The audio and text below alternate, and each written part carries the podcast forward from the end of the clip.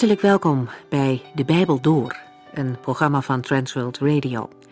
De Bijbel Door is een radioserie die u in vijf jaar meeneemt door de hele Bijbel. Van Genesis 1 tot Openbaring 22.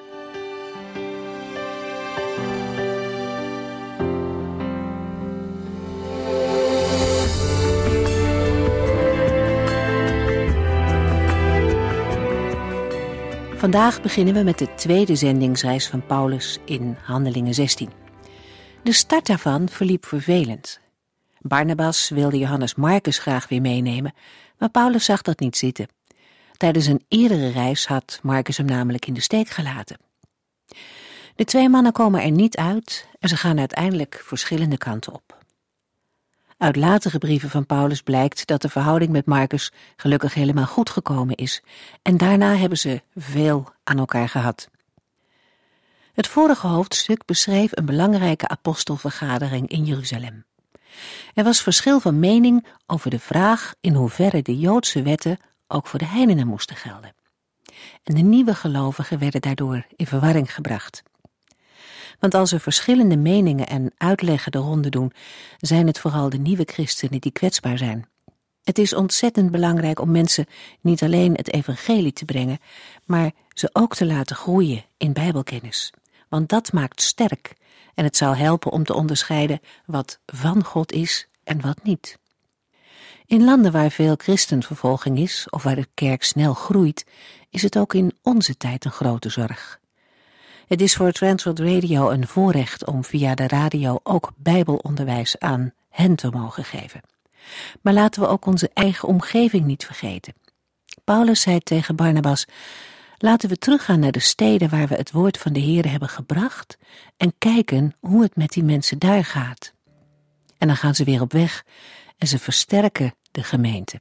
Een opdracht waar we in deze tijd ook zelf aan moeten meewerken. Het versterken van de gelovigen die we ontmoeten. Dat heeft grotere gevolgen dan gewoon een gezellig koffiepraatje.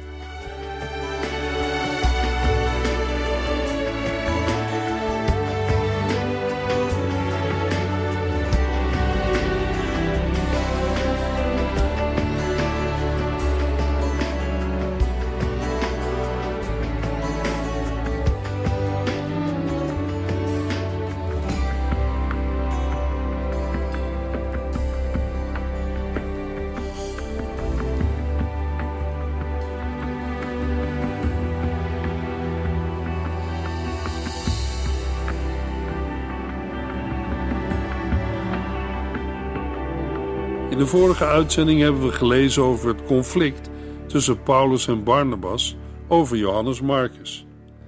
Het geschil liep zo hoog op dat Paulus en Barnabas uit elkaar gingen. Barnabas ging naar Cyprus en nam Johannes Marcus mee. Handelingen 15, vers 40 en 41. Maar Paulus koos Silas uit om met hem mee te gaan. Nadat zij door de christenen aan de genade van de Here waren toevertrouwd, gingen zij op reis. Ze trokken door Syrië naar Cilicië.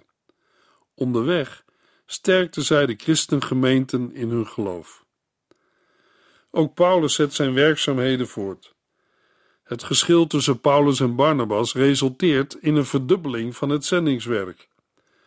Barnabas reist naar Cyprus en Paulus naar Klein-Azië.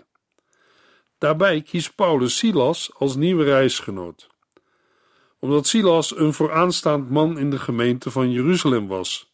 Handelingen 15, vers 22. Zou hij een belangrijke bemiddelende rol kunnen spelen in het overbrengen van de besluiten van het convent van Jeruzalem aan de niet-Joodse gemeente van Galatië. Zeer waarschijnlijk is Silas dezelfde als Silvanus, waarbij Silas dan de verkorte vorm is van Silvanus. De keuze van Silas heeft de instemming van de christenen uit Antiochië. Paulus wordt door hen voor de tweede maal, handelingen 14 vers 26, aan de genade van de Heere toevertrouwd. Na zijn vertrek uit Antiochië komt Paulus tot de uitvoering van zijn plan om de gemeente, die hij tevoren heeft mogen stichten, opnieuw te bezoeken. Hij trekt in noordelijke richting. Hoewel er in handelingen geen sprake is van gemeentestichtend werk in Syrië en Cilicië, is dat volgens de mededeling in Handelingen 15, vers 23 en Galaten 1 zeker het geval geweest.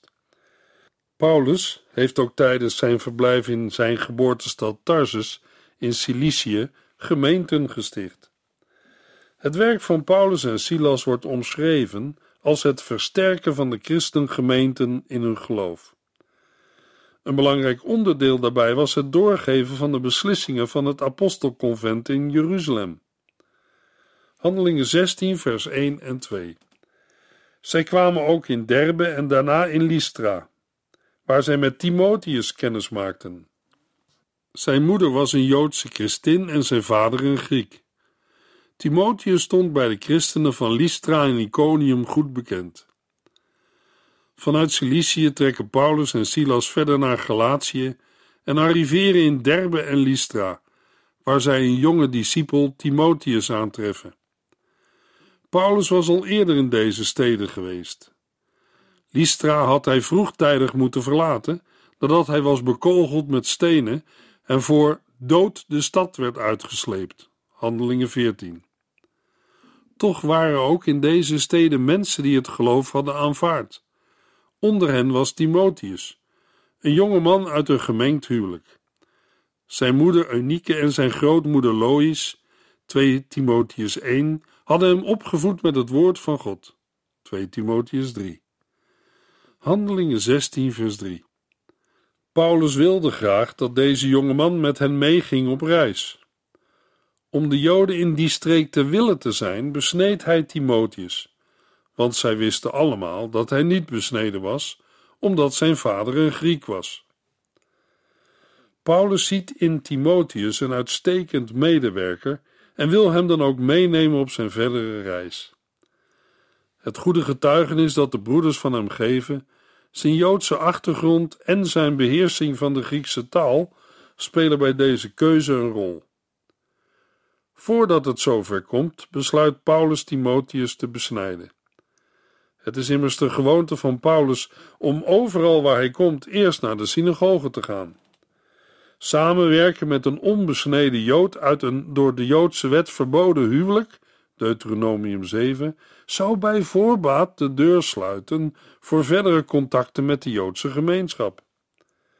Het besnijden van Timotheus is dan ook bedoeld om alle onnodige hindernissen voor een goede communicatie weg te nemen.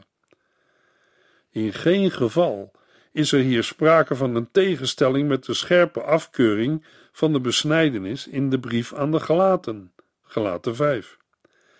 Het gaat hier om een aanpassing aan de toehoorders, om de Joden in die streek te willen te zijn. Paulus volgt hierin het principe van met de Joden een Jood zijn, om hen voor Christus te winnen. 1 Corinthiërs 9.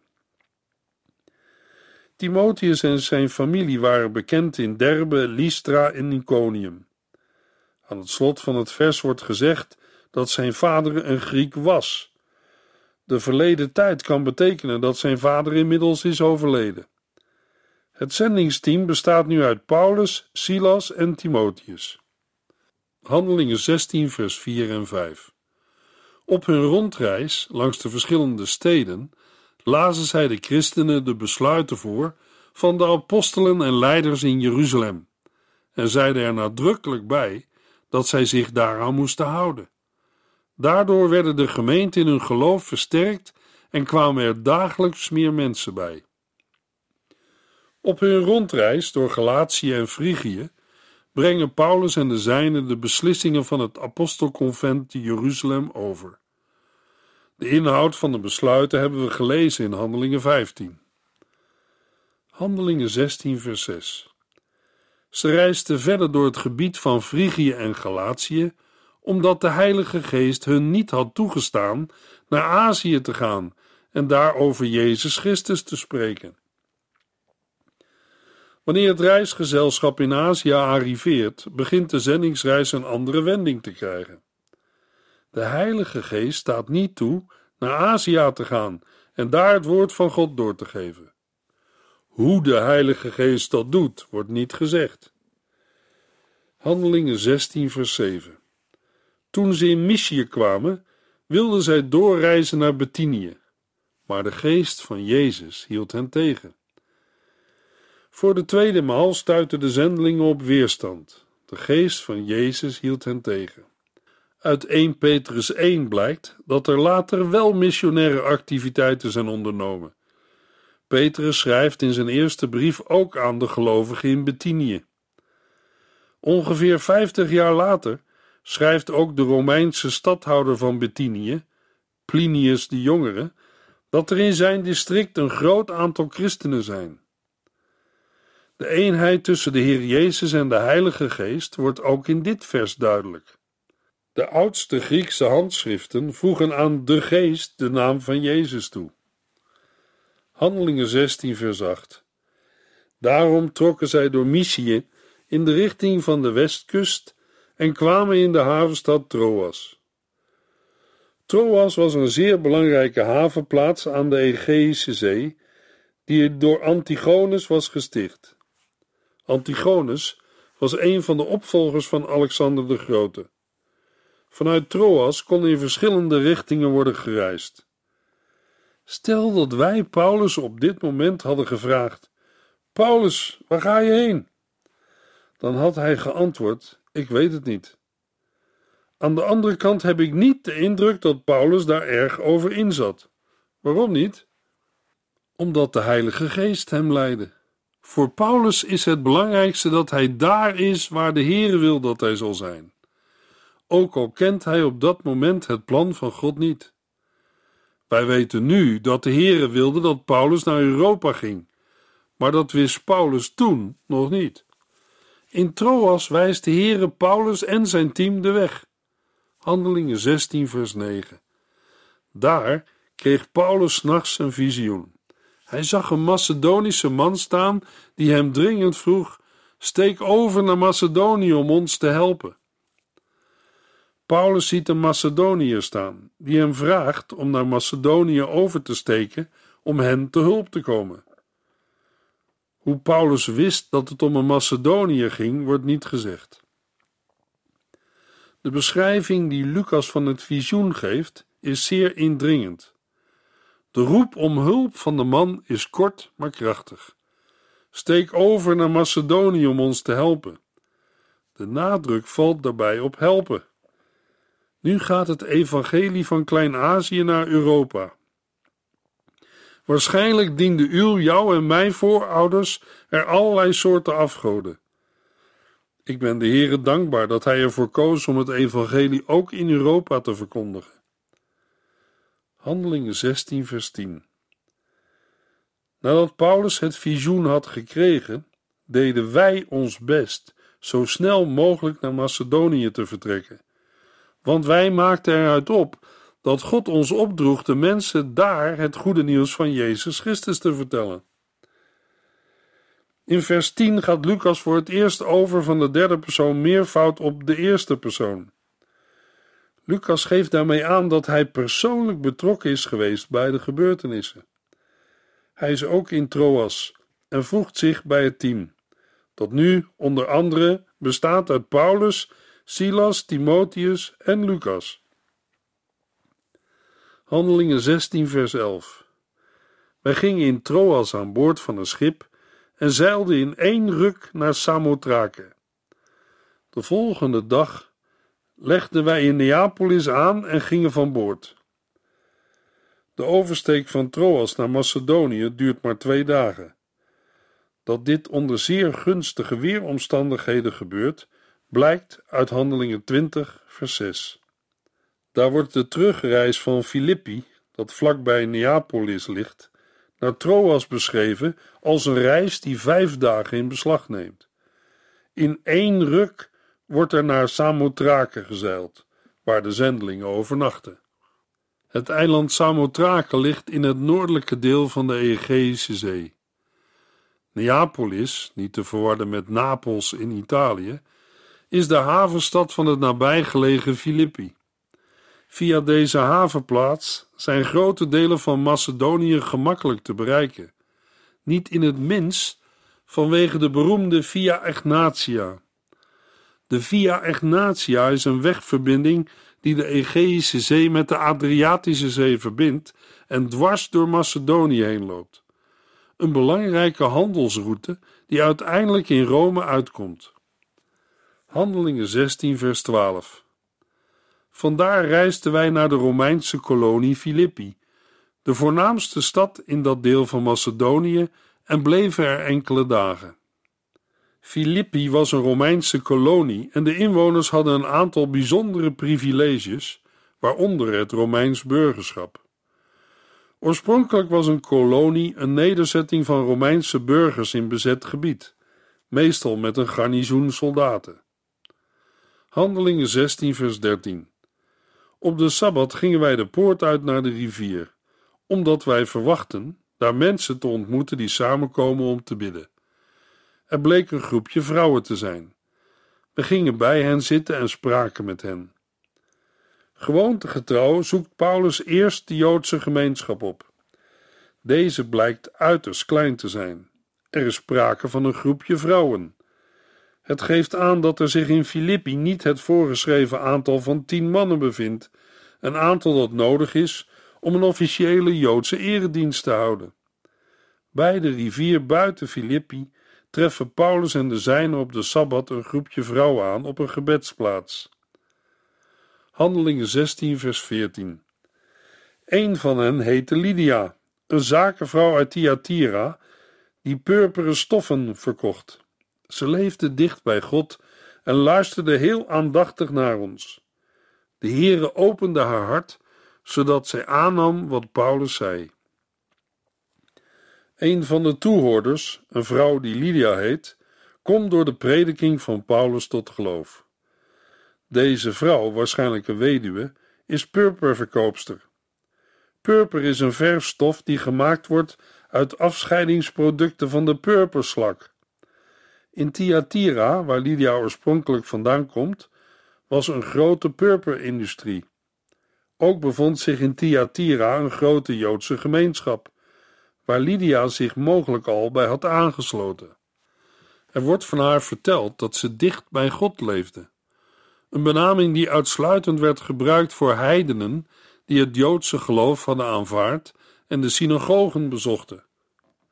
Vanuit Thyatira is Lydia, mogelijk om zakelijke redenen, in Filippi terechtgekomen, waar zij de Joodse gemeenschap opzoekt. Lydia wordt de eerste volgeling van Christus in Europa. Handelingen 16, vers 15. Nadat zij en haar huisgenoten gedoopt waren, drong zij erop aan dat wij bij haar zouden logeren. Als u ervan overtuigd bent dat ik echt in de Heer Jezus gelooft, zei ze, ga dan met mij mee naar huis en blijf logeren. Wij konden gewoon niet weigeren Onder huisgenoten kunnen zowel verwanten als ook personeel worden verstaan. Lydia stelt geen voorwaarden als ze zegt: Als u ervan overtuigd bent dat ik echt in de Heer Jezus geloof, maar gaat ervan uit op grond van het feit dat ze haar hebben gedoopt. Daarmee hebben Paulus en de zijnen haar als gelovige erkend. Met de uitdrukking: Ga met mij mee naar huis en blijf logeren demonstreert Lydia haar geloof in de Heer Jezus met het betonen van christelijke gastvrijheid.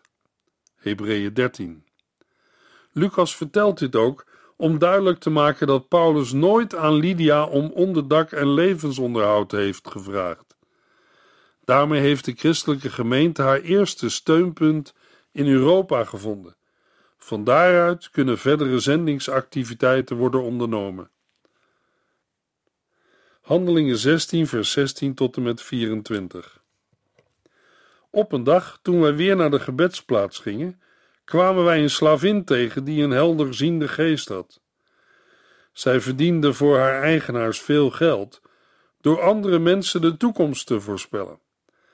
Ze liep Paulus en ons achterna en riep: Deze mannen zijn dienaren van de Allerhoogste God. Ze zijn gekomen om te vertellen hoe u gered kunt worden.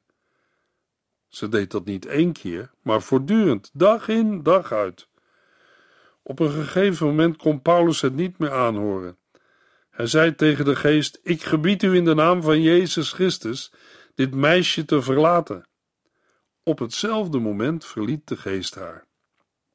Toen haar eigenaars zagen dat hun kans om winst te maken verkeken was, grepen ze Paulus en Silas en sleurden hen naar het marktplein, waar het stadsbestuur en de rechtbank waren. Zij brachten hen voor de Romeinse rechters en zeiden: Deze twee Joden brengen de hele stad in rep en roer. Ze willen ons dingen laten doen die ons als Romeinen verboden zijn. De mensen die toegelopen waren, keerden zich allemaal tegen Paulus en Silas. De rechters rukten hun de kleren van het lijf en lieten hun stokslagen geven. Na vreselijk te zijn geslagen, werden ze in de gevangenis gegooid. De cipier kreeg orders hen streng te bewaken. Daarom nam deze geen risico en bracht hij hen naar de diepste kerken. Voor alle zekerheid sloot hij hun voeten in het blok. Wanneer Paulus en zijn medewerkers opnieuw op weg gaan naar de gebedsplaats, worden zij gevolgd door een slavin met een helderziende geest. Om die reden wordt zij door haar meesters uitgebuit. Haar meesters, meervoud, waren alleen maar uit op financieel voordeel en maakten daarbij gebruik van de occulte gaven van deze slavin. Het bezeten slavinnetje loopt hen na en roept luid: Deze mannen zijn dienaren van de Allerhoogste God. Ze zijn gekomen om te vertellen hoe u gered kunt worden. Wat het slavinnetje roept is feitelijk waar. Dat hoeft ons niet te verbazen, want ook in Marcus 5 en Lucas 8 weet een boze geest feilloos te vertellen wie Jezus is. Hij is de zoon van de Allerhoogste God. Ook hier zien we een harde confrontatie tussen het koninkrijk van God en het rijk van de duisternis. Na een eerste overwinning, de bekering van Lydia en haar huisgenoten, zet de tegenpartij de aanval in door middel van een slavin in de macht van een boze geest. Als de slavin de boodschappers van het evangelie voortdurend naroept, spreekt Paulus de geest aan. Ik gebied u in de naam van Jezus Christus dit meisje te verlaten. Paulus beroept zich hierbij niet op zijn eigen gezag, maar spreekt de boze geest aan in de naam van Jezus Christus. Voor de naam van Jezus moeten de boze geesten wijken. Paulus staat hier in het voetspoor van zijn meester. De overeenkomsten met het uitdrijven van demonen door Jezus zelf zijn opmerkelijk. Marcus 3 en 5. Paulus laat er geen twijfel over bestaan dat het evangelie uit een andere bron voortkomt dan de woorden van het meisje, ook al zijn die woorden op zich genomen waar. Dat zet ons vandaag stil bij allerlei paranormale activiteiten die in onze samenleving plaatsvinden. Het feit dat iets helpt of waar is, zegt nog niets over de bron waaruit het voortkomt. Heel veel mensen, en helaas ook sommige christenen, rekenen niet met het feit dat Satan ook kan genezen. Maar hij doet niets voor niks. Hij bindt en bezet mensen met zijn kunsten. Luisteraar, als u naar een paranormale genezer gaat, is de doorslaggevende vraag niet of het helpt, maar uit welke bron komt het? De Heer Jezus heeft ook nooit aan mensen die bij hem om genezing kwamen om geld gevraagd.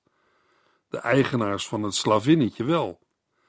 Nu de helderziende geest is verdwenen, is hun bron van inkomsten opgedroogd. De eigenaars van het meisje slepen Paulus en Silas voor de rechtbank. Dat een aanklacht wegens het uitdrijven van een demon bij de Romeinse overheid geen kans van slagen heeft, ligt voor de hand. Daarom worden zij beschuldigd van oproer. Het hele gebeuren krijgt een sterk anti-Joods karakter. De rechters rukken hun de kleren van het lijf en lieten hun stokslagen geven. Na vreselijk te zijn geslagen, werden zij in de gevangenis gegooid. Handelingen 16, vers 25 tot en met 30. Rond middernacht waren Paulus en Silas aan het bidden. Zij zongen lofliederen voor God en de andere gevangenen luisterden naar hen. Ineens was er een geweldige aardbeving. De gevangenis stond op haar grondvesten te trillen. Op hetzelfde moment sprongen alle deuren open en gingen de boeien van de gevangenen los. De cipier schrok wakker. Toen hij alle deuren van de gevangenis zag openstaan, trok hij zijn zwaard om zelfmoord te plegen, want hij dacht dat de gevangenen ontsnapt waren. Niet doen, schreeuwde Paulus. Doe jezelf geen kwaad. Wij zijn allemaal nog hier. De cipier vroeg om licht en rende naar de kerker van Paulus en Silas. Hij viel bevend over zijn hele lichaam voor hen neer. Daarop bracht hij hen naar buiten en vroeg: Heren, wat moet ik doen om gered te worden? Er worden uit deze geschiedenis een aantal dingen duidelijk. De hand aan jezelf slaan is geen oplossing voor problemen. Uit de reactie van Paulus blijkt dat zelfmoord een kwaad is dat iemand zichzelf aandoet. Het heeft dan ook niets met verlossing te maken. Ten slotte, het antwoord aan de cipier wijst ook vandaag de weg om gered te worden uit deze strik. Geloof in de Heer Jezus, antwoordde zij. Dan zult u gered worden en al uw huisgenoten ook. Handelingen 16, vers 31. In de slotversen van Handelingen 16 vinden we een cipier die met al zijn huisgenoten werd gedoopt. Ze waren heel erg blij dat ze nu in God geloofden. Paulus en Silas werden vrijgelaten. U kunt vertrekken en ongehinderd verder reizen. Geen denken aan, antwoordde Paulus. Wij zijn Romeinse burgers. Ze hebben ons zonder enige vorm van proces in het openbaar afgeranseld en daarna in de gevangenis gegooid. En nu willen ze ons in stilte laten vertrekken? Nee, laten ze zelf maar komen om ons vrij te laten. Daarmee werd publiekelijk duidelijk dat zij onschuldig waren, en dat was nodig voor de gelovigen die na hun vertrek in Filippi achterblijven. Handelingen 16, vers 38 tot en met 40. De dienaren brachten dit over aan de rechters en die schrokken toen zij hoorden dat Paulus en Silas Romeinen waren. Ze gingen naar de gevangenis en boden Paulus en Silas hun verontschuldigingen aan. Daarna leidden ze hen de gevangenis uit en vroegen hun dringend de stad te verlaten. Nadat ze waren vrijgelaten, gingen ze naar het huis van Lydia, waar zij de andere christenen ontmoetten. Ze spraken hem moed in en verlieten daarna de stad. Hoe zal de zendingsreis verder verlopen? In de volgende uitzending gaan we het lezen in Handelingen 17.